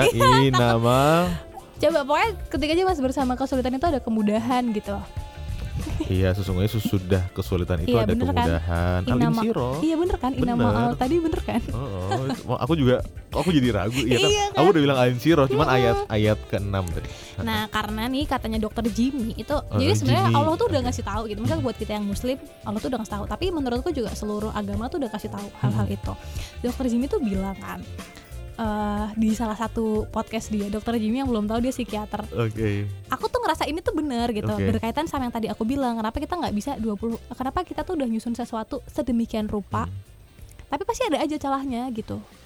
Karena kehidupan kita tuh nggak selalu nggak nggak ada yang ideal mas Nggak ada yang gitu ideal ya, pasti ada yin sekuat dan yang. apa pun gitu sekuat apa pun kita Orang berusaha hitam aja ada putih gitu. nah terus si dokter Jimmy bilang Hmm. seandainya tuh kita mampu memahami seluruh emosi itu tidak bertahan selamanya gitu Oke. ya untuk apa kita terganggu dengan sesuatu yang tidak selamanya gitu jadi Iya, yes, yes. sedih, Sedih. marah itu kan nggak selamanya kan mas ya dua minggu empat minggu tapi kan Galau. eh, itu kan nggak selamanya gitu jadi aku juga lagi belajar Hmm. makanya sebenarnya kan eh, nanti tuh pada akhirnya menurut aku untuk menjaga kewarasan kita menjaga kestabilan kesehatan mental kita itu belajar gitu Belajar untuk mengenal atau belajar apa? adaptasi mungkin Adaptasi. pertama memang harus kenal sama diri kita dulu sih Mm-mm. mas. Kan kita nggak bisa ya adaptasi kalau kita nggak kenal. Misalnya kita tuh alergi debu kita kan berarti nggak akan bisa adaptasi tempat yang berdebu. Hmm, betul, kita nggak akan menghindari lingkungan berdebu Iya. karena kita nggak tahu kita alergi debu. Jadi kunci akhirnya semuanya tuh dikembalikan ke kita mas menurutku. Dan itu sebenarnya relate uh, jika kamu mengenal dirimu, kamu mengenal Tuhanmu juga. aku rada takut nge- eh, ngeresponnya cuman sepertinya iya. Oke, sepertinya karena gini iya. mas kan em, misal kalau kita yang muslim kan Mm-mm. ada apa sih ayat yang bilang kalau kita adalah khalifah di muka bumi Yes. maka kalau kita kenal kita tahu peran kita tuh khalifah di muka bumi ya kita akan menjadikan seluruh aktivitas kita itu adalah untuk kembali ke yang punya bumi kan Oke. Sebagai bentuk uh, tanggung jawab. M- bentuk kesadaran kita kan Yes. gitu bentuk kita kenal sama diri kita gitu Hmm. nah sama sama si menjaga keseimbangan diri kita ini kan Hmm. yang paling tahu kita tuh kita kan Yes, yes. Eh jadi pertama kali untuk bisa em, apa ya kita mengkampanyekan kesehatan mental tuh menurut aku mulai dari diri kita dulu gitu Mm-mm. kayak tadi kenal dulu diri kita terus habis itu habis kita kenal kan kita bisa milih ya Yes. mau terima apa enggak Acceptance tadi. bagian-bagian mau terima bagian enggak nah sebisa mungkin tuh kan kita terima dulu nih lebih kurangnya kita Karena setelah kita menerima itu tadi, kalaupun memang ada yang hal tidak bisa diterima, seenggaknya kita udah terima dan bisa dievaluasi untuk kemudian Mm-mm. dirubah untuk menjadi hal yang bisa Iya. diterima. Atau, Atau, gimana? Hmm, enggak juga sih mas Hmm. tapi kayak kalau paling nggak kalau kita sadar nih Mm-mm. kita nggak akan hmm, apa meneruskan yang negatif atau yang kurang tadi Sih, I see. kayaknya gitu deh Karena kita udah tahu nih bahwasannya kita hidup itu tuh ada tanggung jawab, ya kan? Dan termasuk tanggung jawab itu nggak harus aspek eksternal, Mm-mm, tapi aspek internal itu tadi. Karena oh kita tahu ini yang baik gitu, oh ini nggak baik buat kita. Karena kita tahu yang baik dan ya udah kita jangan overreact terhadap hal-hal yang mungkin tidak selamanya itu akan menyakitkan kita gitu. Hmm, bisa kayak gitu terus habis itu kan gini mas kalau misalnya kita udah kenal sama diri kita gitu Yes. ini tuh rumus yang sering dibilang orang-orang tapi itu susah banget menurutku Hmm. Orang-orang siapa ini? Iya biasanya yang bilang kalau enggak sih hari-hari ini tuh aku sering sering misalnya praktisi Oke. atau eh, ya praktisi atau misalnya yang memang punya apa eh, Track record. iya track record atau emang bergelutnya di sana kan bilang semua tuh dimulai dari diri sendiri Iya. itu tuh kan tapi susah banget ya nah makanya kan juga disuruh sebelum mimpin orang lain suruh mimpin diri sendiri gitu kan Yes. karena susah banget gitu untuk mengelola diri kita nah terus aku tuh habis baca ini mas jadi ada eh, dia terapis gitu di Terapis. Amerika dia nulis buku Terapi psikologi. Psikologis. Oke, bukan tapi, tapi kayaknya dia itu psikiatri sih bukan Psikiatri. bukan psikolog gitu Hmm. soalnya dia sekolah kedokteran dulu nah dia nulis buku semua orang butuh curhat itu terjemahannya Hmm. soalnya itu terbitan apa ya terbitan, terbitan Amerika Gramedia. kayaknya. Terbitan Iya tapi kayaknya Alex Komputindo. Ta- tapi tapi Gramedia. Oh, Soalnya waktu itu Gramedia. aku beli karena wah covernya warna kuning. Kalau teman ada yang pernah baca, Karena kamu suka Winnie the Pooh dan kamu suka warna kuning. enggak. Oh karena enggak, aku enggak, enggak ngerasa hubungannya. Oke. Jadi waktu itu tuh gambarnya ya mas, bukan Hmm. waktu itu sih si cover yang lama warnanya kuning, terus covernya itu adalah semua orang eh judulnya kan semua orang butuh curhat, terus Hmm. tisu sama wadah tisu gitu covernya. Nah ada satu bagian. Tisunya merek apa? Wah mungkin. oh ya. Yang sering kita denger apa deh? Ntar yang atau yang mau nge-sponsor Mas Ari kita sebutin deh Bisa. merek tisunya ya. Itu soalnya menyerap dengan alami gitu. Iya. ya. Atau yang itu loh yang warna coklat yang sekarang pernah lihat nggak tisu warna coklat? Yang terbuat dari kar ini bambu, serat Iya, kayu. yang gitu. lebih apa sih yang lebih eco friendly? lebih eco-friendly. Iya. Tisu Starbucks kali kan itu coklat. Enggak, tisu tisu kayak tisu wajah biasa tapi ih nggak pernah Enggak pernah. beli yang enggak. eco friendly. Aku habis beli yang eco friendly soalnya lah. Iya, ya, di, di. Indomaret Alfamart ada. Di situ juga ada Mirata Kampus juga Oh, ada. Mirta kamu juga ada. Oke. Lebih murah loh daripada yang di Indo Alfa. Oh, aku biasanya ngambil di Starbucks sih. Oh. Aduh guys, main ke Starbucks aku mah. Enggak ngambil tisunya doang. Oh, Mas Arya ke Starbucks ngambil tisu doang, guys. Ketemu Bapak baris lain. Oh iya, kan dikasih itu ya, dikasih note sama mbak-mbak gitu kayak berasa di Yes. film-film ya. Yes. Padahal itu yang mau aku tanyain guys waktu ketemu cuman karena aku panik mikirin si materi ini. Nanti. Nanti ya, beneran ya. Another part. Nah, jadi balik ke si buku yang si buku semua orang butuh semua orang curhat. curhat. Butuh, butuh, Mas. curhat. Oke. Dia bilang, jadi terapis ini tuh awalnya ragu untuk mengunjungi terapis lainnya. Hmm. Karena kan kayak dia ngerasa, aduh nanti penting gak ya aku ke Yes. bahkan maksud aku tuh profesional aja tuh dia merasa penting apa Hmm. enggak gitu loh. Nah, terus akhirnya tuh dia pergilah ke si terapisnya yang lain itu Iya. yang lebih senior atau gimana dia bilang si terapisnya terapis itu tadi bilang Hmm. kita tuh selama hidup lebih sering komunikasi sama diri kita betul nggak sih tapi seringnya kita tuh kurang lebih ya kata-katanya tapi seringnya itu kita tuh komunikasi ke diri kita itu jahat gitu kayak mungkin kita nggak akan ngomong nggak akan berkomunikasi seperti itu ke orang yang kita sayang ke anak kita ke keluarga kita Hmm, gitu iya, iya, iya. kita sering banget jahat Betul, sama betul. diri kita gitu nah jadi waktu aku diajakin ngobrol soal mental health aku ngerasa bahkan diriku sendiri Mm-mm. dengan segenap pengalamannya pun yang udah belajar psikologi 4 tahun pun aku pernah bilang sama dosenku bu kenapa ya saya tuh nggak bisa eh, mempraktekkan seluruh apa keilmuan gitulah kayak aku kan Hmm. gemes ya kayak aduh kok aku tetap nggak asertif belum asertif sepenuhnya misalnya dan lain sebagainya dan kenapa aku tuh pressure mas ngomong kayak gini aku tuh sering ngerasa aku tuh belum beres untuk PR PR ku sendiri PR PR mentalku yang lain PR, gitu misalnya PR personal atau PR PR akademik? PR PR personal dan akademik ya Oh. tentu ya karena kayak banyak nih teman aku yang udah sarjana Ya mungkin kan itu hanya satu dari sekian iya yang lain. tapi maksudku tapi lebih ke yang tadi mas lebih ke aku ngerasa ada aku tuh pengalaman-pengalamanmu yang lain gitu. bukan pengalaman mas tapi kayak aku ngerasa aku tuh belum yang well being banget Paham, gitu yang paham, paham. kayak wah kehidupannya sangat sehat mental gitu ya aku tetap bergumul dengan hal-hal yang aku nggak ngerasa harus nggak sih? Masa dokter harus sehat? Nah, terus gini mas, waktu Hmm. aku habis pelatihan, jadi makanya aku tuh jarang banget kan mas ngeposting-posting yang menurutku sendiri di sosmedku kayak misalnya kan ada nih yang udah mulai posting. Nah, oke oke ini ini konten-konten. akan jadi pertanyaan berikutnya nih. Tapi Nah. lanjut lanjut. Kenapa? Karena aku ngerasa belum oke aja, belum oke Hmm. at all gitu. Yes. Nah, terus waktu itu ibunya ibu-ibu yang di pelatihanku yang di Jakarta tuh bilang mau sampai kapan eh, kita belum selesai sama diri kita gitu. Yes. Karena kita nggak akan pernah selesai sama diri kita Hmm, gitu. hmm. Iya nggak sih orang selama kita hidup di dunia kan kita nggak pernah selesai ya Iya. sama diri kita.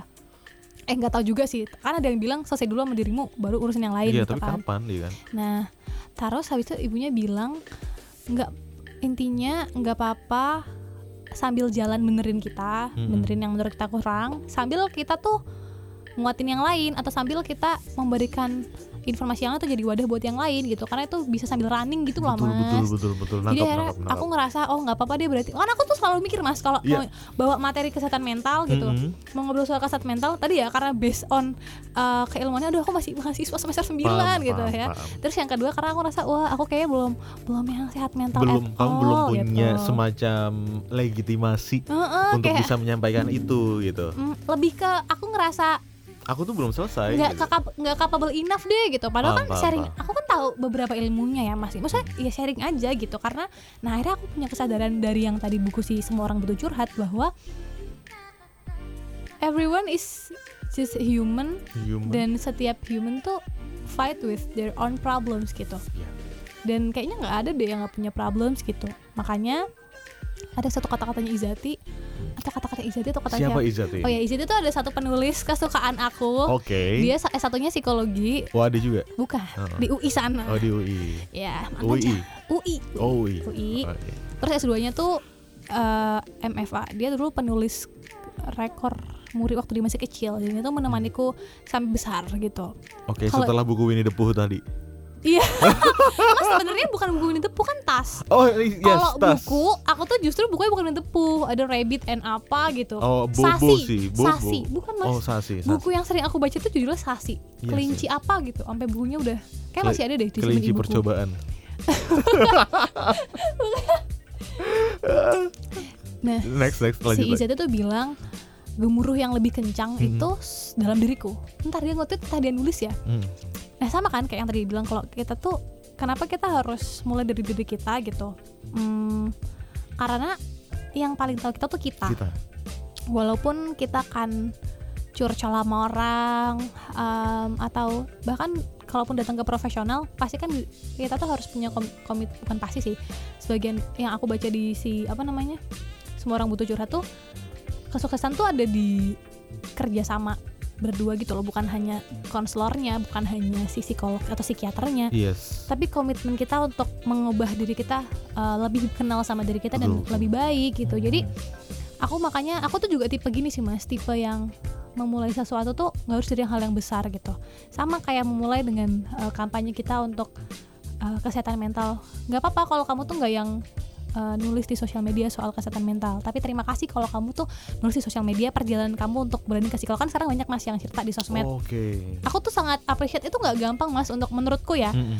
Untuk bisa cerita dia ke ke sawah, ke psikolog, oh, ke si ke psikiater tuh menurut yes. aku nggak mudah apalagi misalnya dia punya frame orang yang tough enough atau apa gitu perfect jadi aku sangat uh, berterima kasih dan bersyukur untuk teman-teman yang membuka supaya lebih banyak lagi yang mau uh, datang ke profesional okay. nah tadi aku juga bisa dengerin antara Karya Srum bukan oh. malah belum didengerin nih Harya Srumnya antara almarhum suaminya Dilestari Oke. Okay. Waktu dia masih hidup hmm. tuh kalau nggak salah tuh uh, ya jadi lupa lagi apa yang dia bilang mas. Apa ya? Dia bilang, ada di catatannya? Mau dibuka? Oh enggak enggak apa ya? Aduh lupa banget gara-gara tadi. Aduh ya allah aduh jadi banget. suaminya apa? Suaminya di lestari almarhum yeah. itu iya. pernah nggak ngenulis sesuatu yang mana bilang bilang oh sih. bilang bilang. Bukan bukan nulis bilang apa ya bilang dalam suatu kesehatan mental. Iya, yang berkaitan sama kesehatan mental. Tapi aku lupa banget nih guys, jadi hmm. mohon maaf ya. Nanti kalau aku ingat uh, waktu kita sambil ngobrol, aku akan. Nanti bilang. kita update lagi lah, mm -mm, gitu. Oke, gitu. oke, oke, oke, oke. Udah. Oh, oke. Okay. Jadi jadi itu, kepotong ya. Dan, Sampai lupa masih Dan itulah sebenarnya cerita panjang ketika hmm. kamu akhirnya uh, pengalaman-pengalaman yang udah kamu terima dari dulu, hmm. terus akhirnya menyadarkan bahwa di era sekarang di dewasa kini hmm ya kesehatan mental itu penting. Mm-hmm.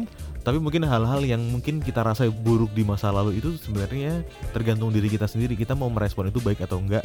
Mm-hmm. Itu juga ada pilihan kita sendiri. Yeah. Terus juga abis itu ya semua itu memang harus berpusat daripada diri kita sendiri. Termasuk mm-hmm. kita mengenal diri kita sendiri. Mm-hmm. Mengenal. Ya, mengenal mm-hmm. dan dan berlatih merespon. Mengenal dan berlatih merespon, merespon masalah.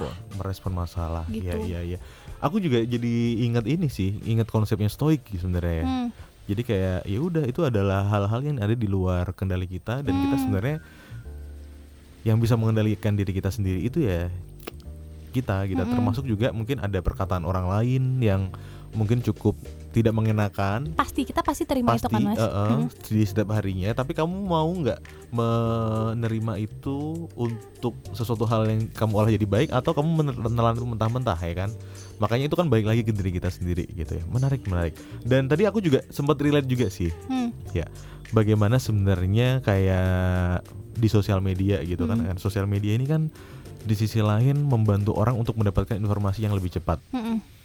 ya ya di banyak hal-hal positif sih banyak tapi akhirnya banyak juga berbanding lurus juga dengan hal-hal negatif hmm. Hal-hal negatifnya sebenarnya aku juga mengalami hal yang apa yang kamu lakuin juga sebenarnya apa yang kamu rasakan sebenarnya hmm. kayak aku sebenarnya kayaknya nggak cukup capable deh hmm. untuk uh, menyatakan sesuatu di sosial media hmm. gitu yang mana sebenarnya itu sudah aku lakukan atau sudah aku pelajari Hmm. gitu. Hmm.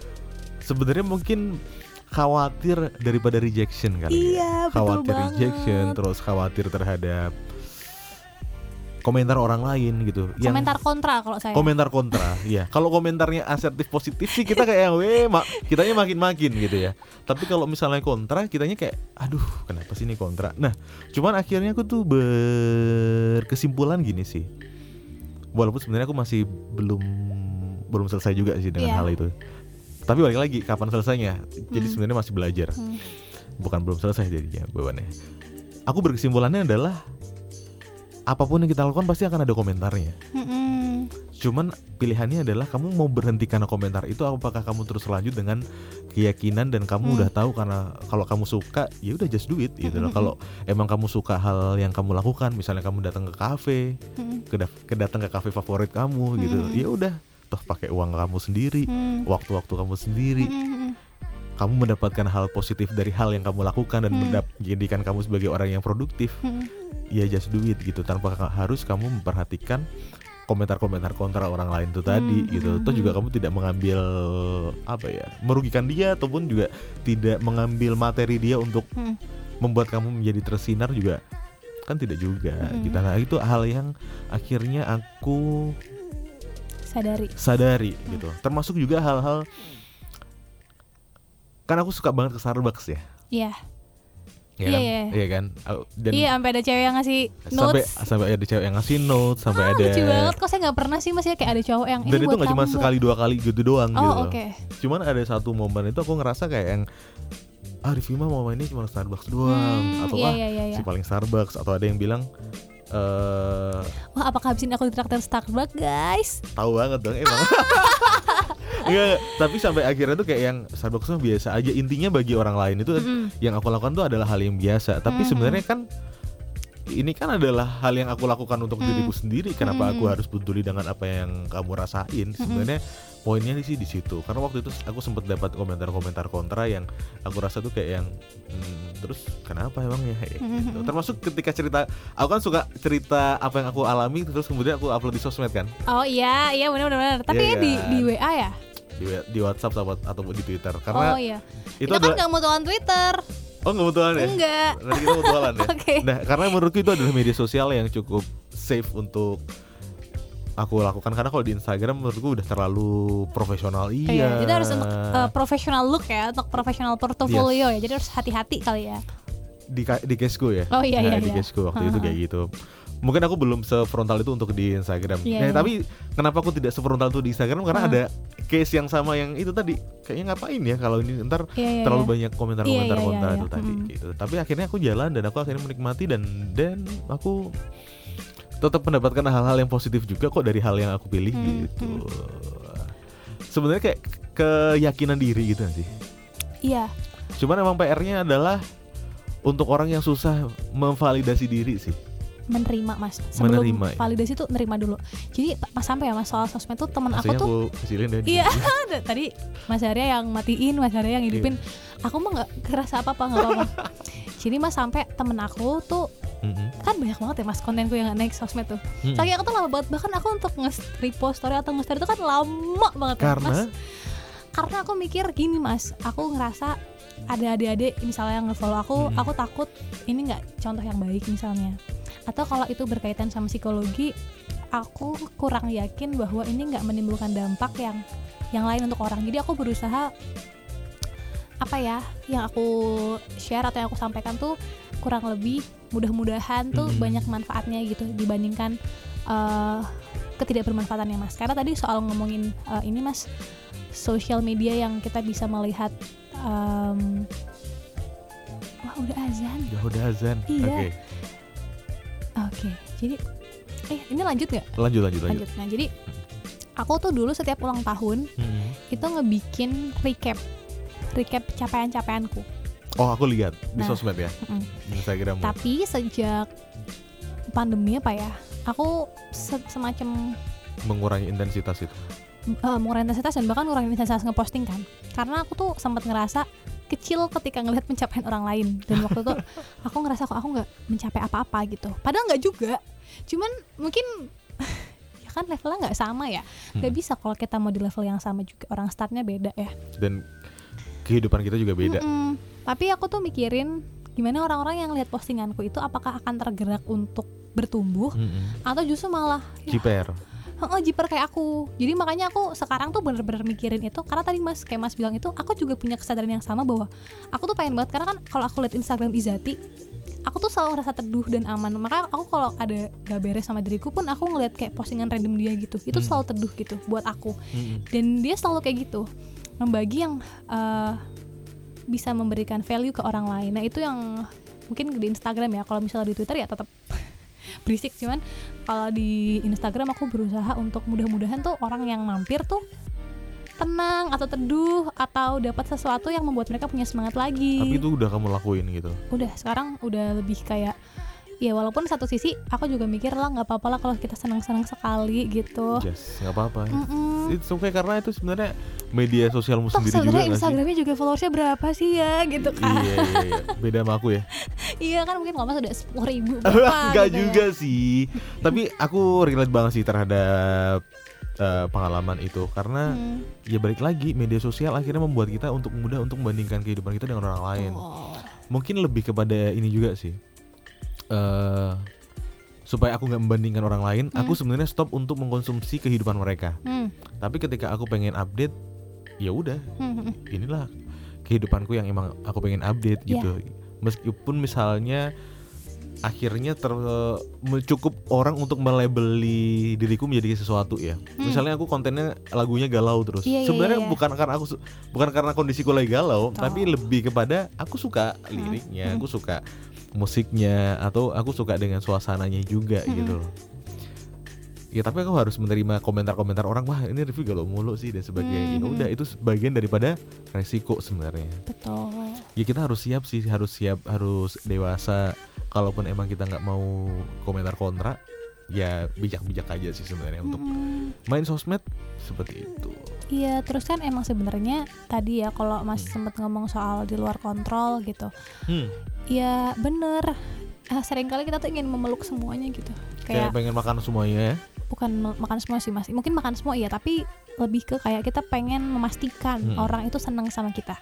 Memastikan orang eh, akan selalu setuju sama kita. hmm. Memastikan bahwa semuanya akan baik-baik saja atau yes. Nah itu kan yang kadang kala ngebikin kita tuh jadi kecewa, ngebikin kita jadi mm, sedih, eh, ngebikin kita jadi khawatir gitu karena ada gap antara ekspektasi yang kita harapkan ekspektasi dan realita yang terjadi gitu. betul betul betul, betul. Makanya kata Mas Aji Santoso kalau nggak salah kita Iya, harus yang rambutnya gondrong. Iya harus yang apa praktisi nggak tahu ya dia praktisi mindfulness atau apa ya cuman mindfulness. Beliau bilang kita harus menge- mengendurkan ekspektasi dan mengecilkan ekspektasi gitu. Dan itu pernah tak praktekin mas waktu aku ah, tadi aku kan masih walaupun udah acceptance sama plus kondisi. dan minusku dan Hmm. apa pun yang terjadi sama masa laluku dan hari ini gitu ya. Eh, tapi aku tetap waktu aku mau berangkat KKN kan aku bilang KKN di luar Jawa Hmm, makanya kamu sempat hilang ya Iya, karena aku menikmati banget mas kehidupan-kehidupan yang keluar dari rutinitas kan susah sinyal ya. Jadi Hmm. enak banget kayak kalau kita mau cari sinyal tuh harus ke dermaga gitu. Ya sebenarnya bisa deket kok. Hmm. Eh, mungkin tapi kamu memutuskan untuk tidak gitu Iya, ya? karena aku ngerasa kapan lagi aku berkehidupan. Wah seru banget sih, Cin. Ntar Yes. satu sesi lagi apa kita komen KKN? Nah, nggak. Terus Nah, habis kan itu. nanti kita di Oh iya, bener. Terus setelah ini Iya, terus habis itu gini mas. Waktu aku mau berangkat tuh akhirnya, jadi aku tuh hampir nggak berangkat waktu itu mas. Hmm. Udah tahu nggak belum? Kalau aku hampir nggak berangkat. belum Wah, kayak kita udah, berasa- la- kita udah lama banget ketemu Iya. sebenarnya Jadi aku hampir nggak berangkat. Nah ini juga termasuk ada sedikit uh, pesan psikologisnya. pesan psikologisnya Dan ini ada ada ada ajaran agama juga. Ada pesan-pesan gitu. Jadi aku hampir nggak berangkat karena waktu itu aku lagi magang. Hmm, hmm. Magangku tuh enam bulan mas. 6 bulan. Dan aku tuh waktu itu waktu aku milih magang itu tuh uh, out of plan juga karena aku nggak nggak tahu bakal keterima juga. Karena itu aku udah habis pesimis. Banyak banget mas aku magang daftar yang magang merdeka apa segala 10 sampai berapa belas gitu nggak ada yang keterima. Hmm. bulan Juli atau Agustus. Udah aku daftar. Magang itu tuh kayak the last. Itu bener kayak hari terakhir besoknya terus aku kayak daftar gitu. Oke. Nah terus KKN ini bukan KKN pertama yang aku daftar. Jadi ada sebelumnya KKN yang aku daftar uh, juga nggak diterima juga. Terus jadi ada yang ngasih tau aku untuk daftar KKN ini. Hmm, nah terus itu kenapa aku bilang berangkat tam, apa dengan mengendurkan ekspektasi bahkan gak punya ekspektasi awalnya tuh pertama ya karena aku hampir bisa nggak bisa berangkat karena izinnya nggak turun kan. Karena kan aku harus tetap magang ya. Tapi dengan segenap kebaikan manajerku waktu itu manajer Bu Erni mm -mm. Makasih ya Bu Erni di AP ya akhirnya disebutin. Di AP nah itu berkat wah berkat kebaikan. kebijaksanaan beliau. Kebaikan Bu Erni yang mungkin juga hasil atas apa ya um, track record? track record kali ya dalam bantuin ibu gitu. Kan aku palu gada ya ibu Hmm. mau apa aku usahakan bisa gitu. Iya. terus eh, habis itu itu hampir gak berangkat. Hamin satu mas aku baru tahu aku bakal bisa berangkat karena dari univku baru turun suratnya terus baru aku kasih ke ibu dan sebagainya. Ibunya udah aku aku ibunya udah tahu. Cuman kan itu butuh surat sakti dari kampusku waktu Hmm. itu. Jadi aku tuh rada susah rada suka ngerepotin ya. Terus habis itu waktu aku kan aku tuh berharapnya kayak KKN kampus sebelah ya. Kita bikin program apa yang besar datengin bupati apa segala segala gitu. Jadi aku tuh selalu berekspektasi kita tuh udah keluar Jawa harus yang itu wah gitu. problematik anak kampus sama neg- swasta negeri gak sih? Em, dan mungkin aku kan punya gerilya kalau bisa lah apa sih bedanya kita sama mereka? Eh banyak bedanya nggak bisa. Nggak bisa. Relasi Eh, nama. banyak banyak juga pokoknya Iya, iya. terus aku tuh kayak kan itu aku masih, jadi itu masih ke bawah ya? Nggak cuma maba tapi sampai kamu masih semester mas. akhir ya? masih. Terus Oke nanti kita akan bahas itu di part lain. Oke jadi terus? yang ini tuh ngobrolnya ada random ya guys. Eh, jadi terus habis itu aku kan wakil ketua KKN apa eh, unit semuanya. Jadi kan ada tiga unit aku wakil ketua semuanya gitu. Unit. bukan bukan unitnya di unit aku iya aku juga di unit koordinator. nggak koordinator tapi koordinatorku sering kayak ya ya gitu Oke. rewang umum Oke, Nah. pembantu umum. ya nah Dan- kan aku wakil ketua nih jadi aku tuh selalu mendorong ketua aku untuk Uh-uh. bisa visioner yang keren yang wah mas bener-bener aku tuh bener-bener ekspektasinya tuh wah paling nggak kita bisa kayak Mengundang Meninggal. bupati. at least tuh meninggalkan sesuatu yang sustain karena dulu kalau mas tahu mbak Santika yang anak UGM pernah denger nggak mbak Santika Oh kampus sebelahnya itu GM. ya nyebutin lagi si mbak Santika tuh dulu Mbak Santika Wibowo. mm-mm, itu tuh keren Karena banget dulu waktu dia mau KKN dia mampir ke kantor sini juga. ah Ha. itu tuh keren banget mas Di- KKN-nya di Morotai Morotai, yes. itu tuh keren dia sampai bisa temenan terus sama eh sampai bikin koperasi yang terus berdiri sampai hari Hmm. ini gitu. Dan emang banyak kan keren banget ya. Dan kamu ke Morotai juga? enggak ke ada namanya daerahnya Bima. Sejam dari Bima eh, dari Lombok 7 jam. Mm-mm. kalau naik darat dari sana kan nyebrang laut. Jadi Mm. di- deket sama Australia. Widih deket doang ya. Di peta di deketnya. pet ah enggak tapi aslinya emang deket mas. Kalau mau naik eh boat ke sana kayaknya bisa. Entah entah bolong apa enggak ya Dan terus habis itu ini eh, cerita kamu proses menuju ke KKN nih. iya terus nah tapi kenapa saya bilang mengecilkan ekspektasi ya udah akhirnya saya begitu mau berangkat itu kayak ya udahlah biasa-biasa aja juga nggak apa-apa Eh, mm-mm. nggak yang harus gimana gimana gitu nah ketika udah mengecilkan ekspektasi apa pun yang terjadi di sana tuh saya sangat open nggak apa-apa Oke. terbuka Karena kamu nerima apa pun yang akan terjadi. Iya, dan nggak punya ekspektasi kan, mas. Maksudnya tetap punya goals kan, tapi nggak, wah nggak harus kita Nggak harus muluk-muluk. gitu. Jadi justru enjoy banget. Mm-mm. Ya masalah-masalah yang ada gitu tuh kayak, wah jadi justru pokoknya justru lega banget karena tadi uh, mengecilkan ekspektasi. Terus satu lagi yang saya pegang mas, ternyata dari hasil saya tadi ya hampir nggak berangkat KKN, ternyata Mm-mm. dikasih izin KKN, turun surat juga, selesai magang dan dapat sertifikat sertif magang juga. Kalau itu rezekimu, itu akan buat kamu. Walaupun dia tuh Sesusah apa pun, sesusah apa pun, semepet apa pun. se dia di ada di mana gitu, di Hmm. dalam mana, kalau itu jalanmu itu akan ke kamu. Makanya ada sahabat Nabi yang bilang ya, Mm-mm. aku tidak menyesal atas apa yang mele- melewat apa sih atas yang hal yang melewat apa sih yang terlewat ah, itulah Mm, Ali bin. Abi Thalib. Mm, kan Hmm. karena itu beneran mas kayak kalau itu rezeki kita tuh sekuat apa pun orang menghalangi Pasti akan nyampe pasti ke akan kita. nyampe ke kita gitu jadi nggak Dan perlu kalaupun bukan se struggling kita mau ngambil ya nggak akan dapat.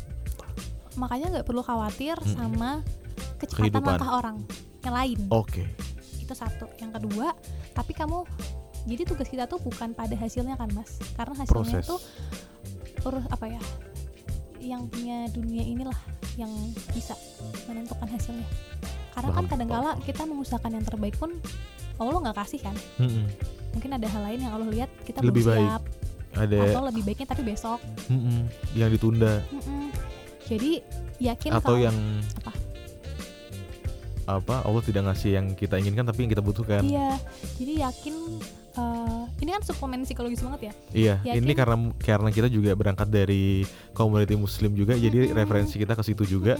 Karena aku sekarang pengen banget karena gini mas dulu tuh aku nggak mau masuk psikologi salah satu universitas negeri Islam karena ada embel Islamnya. Negeri Islam emang ada? Universitas negeri Islam ada. Oh Islam negeri. Oh that's Universitas alma mater. Karena dulu ada embel-embel Islam yes bener dan aku dulu juga sempat memproblematikan itu mas juga kan cuman abis itu kita menyadari keunggulan itu setelah kita udah dewasa terus habis itu setelah dan kemarin aku sempat ngebantu asesmen eh, semacam akreditasi Mhm. prodi dan aku menyampaikan itu ternyata itu menjadi hal yang penting dan dibutuhkan di era sekarang. Oke oke oke. Nah. cerita lain itu tapi itu ternyata Iya. bermanfaat banget. Dan terus sekarang tuh kayaknya saya ngerasa kok kayaknya tuh adem banget ya kalau kan kalau psikologi itu banyaknya di barat-barat gitu kan mas ada hal-hal yang ada yang kontra sama apa, kondisi kita. kondisi kita di Indonesia misalnya moral dan sebagainya Mm-mm. saya justru ngerasa sekarang pengen banget mengkaitkan yang saya pelajari secara ilmunya non mm, apa non Islam non agama. non agama tapi dikaitkan sama agama gitu karena kenapa selama ini saya harus denial itu karena padahal tuh bikin teduh dan tenang banget loh kalau Hmm.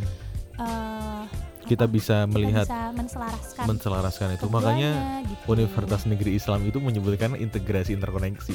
oke gila ini udah kayak Gila, brand Gila, ambassador gila. Duta kampus. ya sama kan moral intellectual integrity sama kita Oh tuh sama, sama. Cuman memang tantangannya kan adalah bagaimana eh, kita menerjemahkan, kita menafsirkan Mm-mm. sumber babon itu tadi Mm-mm. ke dalam bahasa-bahasa yang mudah dimengerti oleh Betul, masyarakat kita betul, sekarang gitu. betul sekali itu, Itu sebenarnya tantangannya kita sekarang di situ. benar makanya sekarang Termasuk juga di dunia psikologi ya. iya makanya sekarang saya tidak tidak lagi menolak ya tapi Yes. justru sangat semangat Acceptance. sangat semangat belajar karena kemarin ya masnya juga bingung banget nih waktu itu kan jadi Itu bagian dari kamu penerimaan kamu dulu juga ya. iya Mm. soalnya mas tiba-tiba tuh bukan tiba-tiba jadi Mm, di proses. eh, proposal skripsi waktu itu tuh Mm-mm. harus ada ayat Al-Qur'annya Sama dong, aku juga. Enggak dulu. sebelumnya tuh nggak gitu di kampus saya. Oh, nggak kayak gitu? Heeh, sebelumnya entah di kampus saya entah di fakultas saya itu sebenarnya Hmm. kayak gitu. Lah, saya kan tentang putus cinta ya. Iya. Iya, saya tuh apa yang nanya ke Ya yang jurusan aja. yang enggak kan ibunya bilang, coba tanyakan ke yang yang ta yang ahli gitulah Hmm. soalnya ya ibu juga nggak tahu takut salah gitu lah pokoknya terus saya tuh juga kalau ini ayatnya apa putus cinta tuh apa ayatnya kalau jangan putus asa kan aduh kalau jangan putus asa kan ada ya ayatnya Mm-mm. Kalau yang clearly bilang putus Mhm. cinta tuh apa yang mana gitu saya lupa tapi akhirnya saya nemu lah pokoknya yang Mhm. Apa eh, ayatnya? lupa mas lupa lupa Inti. eh, lupa juga Terjemahan oke oke oke. cuman oh ternyata tuh sebetulnya kita aja yang mungkin belum menemukan gitu Eh, apa integrasinya apa Konektivitas mengkoneksikannya luar biasa sekali. nabrak ini Oke, eh ya ya. Ada nggak sih yang dari fenomena-fenomena ini, Mhm. terus hal-hal yang udah kamu rasain, yang udah kamu lakuin terhadap apa ya pengalaman mental health dan mental issue tadi? Mhm. Hal apa sebenarnya ingin akhirnya kamu pengen sampaikan ke orang-orang sekarang, ke teman-teman kamu atau mungkin orang-orang yang akan dengerin ini besok? wah terus dia bingung gak ya dengerinnya mas kita tuh beralur gak sih ngobrolnya Nggak apa-apa, oh semoga nggak apa-apa ya nanti kita akan karena setiap karya akan menemukan pendengarnya Oh, masing-masing. betul ya seperti hati akan Enjoy- menemukan hati yang lain Iya, ya enjoy the process. betul Iya kan? Em, Apa nih? yang pengen saya bilang Mm-mm. adalah mudah-mudahan mm, nggak bingung cari teman cerita gitu. Mm-mm. Kalaupun tidak bertemu teman yang baik dan nyaman, bisa ke yang profesional gitu, ya konselor atau ke psikolog atau ke psikiater. Kalaupun eh, nggak punya cukup biaya ke sana atau nggak cukup yakin untuk ke sana, tetap eh, suarakan suara yang ada di pikiran gitu. Entah nulis, entah melukis yang positif ya bukan melukis seperti yang tadi awal sempat kita singgung nulis atau melukis atau Baca bikin buku. sesuatu gitu enggak mas kalau baca nggak tahu ya. Kalau baca buku tuh bisa rilis boleh sih. Tapi kan baca buku tuh nggak tahu ya kan emosinya emang keluar kalau misalnya ini ada yang emosinya tuh keluar gitu loh. Oke okay, okay. atau jogging oh, jogging. atau apa gitu bikin atau teriak-teriak gitu. Bikin podcast juga bisa. Atau teriak-teriak di laut. Boleh. Atau apa pun gitu. Jadi suara kan suara-suara yang tadi suara-suara sumbang atau teriak suara berisik. teriak-teriak di 0 km jangan sih mas. Kalau di 0 km nanti kayak orasi. Eh ini tuh akan dibahas terus deh kayak orasi padahal itu orasi pertama di crowd saya tuh sebenarnya apa menghindari demo lapangan gitu loh Paham, paham, paham. karena saya selalu ngerasa harusnya mahasiswa tuh bisa lebih intelektual Ah, gitu anggun dalam tapi intelektual dan moral tapi setelah itu saya beda ortom ya Beda. tapi setelah saya pikir tuh oh ternyata orang-orang yang suka demo tuh ada macam-macam gitu loh Iya, iya, maksudnya iya, kayak iya. Oh ini bagian dari cara gitu loh. Oke oke oke. Terus tadi yang Oh, ingin iya. kamu sampaikan lagi. Iya jadi ah, salvo kan? Eh, salvo kan? Jadi pada intinya itu yang pertama. Jadi pastikan eh, tersuarakan yang harus disampaikan. Kayak katanya Febi Putri ya? Tapi lupa liriknya. Apa? Febi Putri yang mana? Eh, yang suarakan- senyumanmu? Bukan bukan oh senyuman. kan dia kata Febi Putri juga itu Ya ampun, lagunya pokoknya adalah kenapa ya? Saya tuh suka lupa mau ngomong apa Febi terus Putri apa Nadine lupa. Amiza Febi Putri. Oh Febi Putri. Febi Putri. Pokoknya aduh lupa lagi pokoknya eh, suarakan eh, suara berisik-berisik itu disuarakan lah gitu Oh, kalau Apa pun kata kalau katanya JKT48 ada juga loh. apa Hati-hati bicara. Jangan sampai ada hati yang terluka. Kalimat bermakna, terus pilih-pilih kata. oh ya boleh Nah, ayo kawan, semua apa gitu. Pokoknya makin cakap bicara digital bersama. Enggak itu lagunya dia tuh. oh iya Enggak tahu ya. apa nggak tahu Berani bersuara. oh iya iya iya gitu mas Heeh, Iya iya iya. iya. Terus terutama gini, kenapa sih saya kenceng banget uh, soal ini ya, soal menyuarakan suara kita sendiri gitu. Nggak harus banyak yang dengerin tuh, nggak Mm-mm. apa-apa. nggak- Kalaupun nggak ada yang dengerin atau orang asing yang dengerin Yes. gitu, selama uh, kita terus kemudian tuh bisa komunikasi yang asertif sama diri kita tuh loh mas yang Mm. sempat dibilang kalau kita tuh sering banget jahat sama diri kita, sering banget underestimate diri kita, sering banget tidak melihat value kita gitu.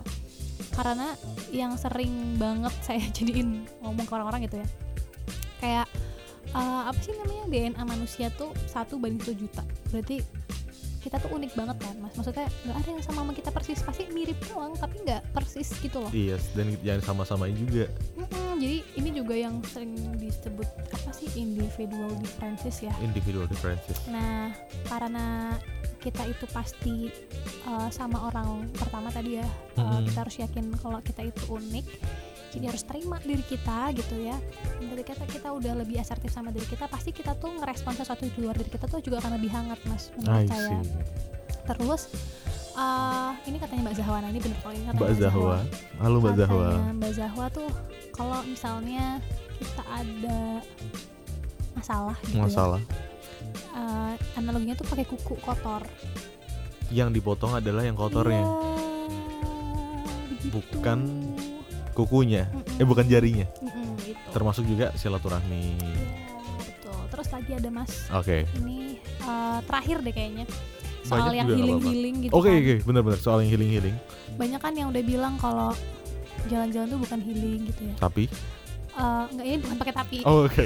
Aku mau bilang kalau misalnya ada analogi yang menurut aku cocok lah buat jadi kesadaran kita bersama. Kayak kalau kita jatuh, luka, kalau misalnya kita tinggal tuh, jadi nggak sembuh kan mas? Hmm. Sama nih, kayak kalau kita lagi ada masalah tadi ya, kalau kita mau healing, kalau kita pergi, ya pulang lagi masalahnya masih Masalahnya ada, masih ada. pusing. Tapi kalau misalnya kita itu sadar, oh iya kita luka gitu, harus kita obatin kan pergi ya dikasih obat Yep. merah. Tapi besok kan jadi sembuh. Mungkin nggak utuh, tapi membaik kan. Sama kayak kehidupan kita, luka-luka kita di masa lalu, eh, atau potensi luka kita di masa depan, sadar dulu gitu, Hmm. disadari dulu. eh, diterima dan ditahan prosesnya pasti nggak akan maksudnya luka mah Bagian dari usaha. apa namanya mau sembuh kan nggak nggak gampang ya maksudnya kita Iya. luka fisik aja minum obat Obatnya kan pahit. komitmen kan makanya Hmm. itu jadi eh, itu sih menurutku analogi yang bisa di apa ya diinfokan bisa diinfokan dan semoga bermanfaat untuk Betul. pendengar semuanya. Pendengar. pendengar apa apa sih namanya Harias Gengs Harias uh, sahabat Haria bukan. Ah enggak enggak enggak enggak. Aku belum menemukan uh, nama sapaan? Ya aku rasa listeners aja sih pendengar. Oh, ya, listeners, listeners itu atau salah satu kamu radio ya? kamu. Listeners ya gak sih? Iya. salah satu radio. Listeners. Iya kan? Eh, gitu. Menarik banget ya benar benar benar benar uh, dan itu sangat relate banget dan ter ketika kita emang ada masalah ya hadapi ya. Face it cari solusi yang terbaik acceptance tapi yang berawal dari acceptance dulu abis itu kita bisa berpikir dengan tenang dan akhirnya kita bisa mencari solusi yang terbaik untuk kita memecahkan masalah yang lagi dihadapi Betul. luar biasa sekali Alfreda Fatia untuk kesempatan kali ini thank you so much buat sharingnya sukses terus ya buat Thank ke depannya you. See you di podcast berikutnya. Terima kasih buat kamu yang udah dengerin Thank dan kalau pengen kepo-kepo Alfreda Fatia bisa cek ada di Just Alfreda.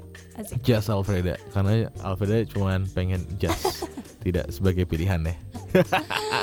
sebagai okay. pilihan tapi cuma Alfreda. Oh oke okay. oh, on, only one ya, the only one. Oh, okay. Mas Apa? aku boleh ngomong dulu nggak? Oh boleh boleh boleh ya, boleh. Buat teman-teman yang mungkin dengerin dari awal sampai akhir lebih yes. profesional dari aku hmm. atau mungkin secara keilmuan lebih. Pakai disclaimer lagi nih anak. Lebih apa namanya? Lebih uh, apa ya? Apa? Lebih capable secara keilmuan gitu ya. Kalau misalnya ada yang kurang tepat boleh lebih benerin. Enggak. Tapi sih udah sesuai tracknya gitu ya. Ya, yes, paham, paham, paham. Intinya sebenarnya apa yang ingin kita lakukan di sini adalah bagian dari uh, sharing keilmuan, pengalaman yang udah dialamin. Mungkin hal yang udah kamu alamin berbeda case dengan teman-teman yang lain, ataupun mungkin bagi teman-teman profesional ketika mendengarkan ini, ini menjadi sebuah temuan baru. Bahwasannya ada case baru. yang baru dong, wow, ya kan? Sekali. Itu kan bagian daripada uh, kita berilmu ya kan. Ini bijak banget kita obrolannya ya.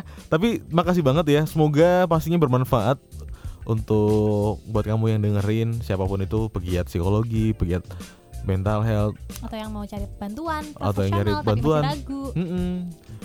pilihlah banyak informasi untuk mencari bantuan-bantuan itu tadi iya dan pilihlah informasi yang pengen kamu dengerin kayak lama banget gak sih kita dari tadi gitu ya iya. tapi intinya kamu nggak sendirian lah kalau kamu kamu merasa sendirian temui temen ataupun kamu datang ke profesional it's okay yes. bahkan buat kamu yang mungkin di kampusnya belum ada layanan yes. bisa jadi kamu jadi pionirnya untuk membuat betul, layanan tersebut di kampus betul, betul, it's okay betul. itu bagus banget justru daripada kamu mengutuk kegelapan lebih baik kamu menyalakan Thank you Alfredo Hatia See you Bye. di podcast berikutnya. Bye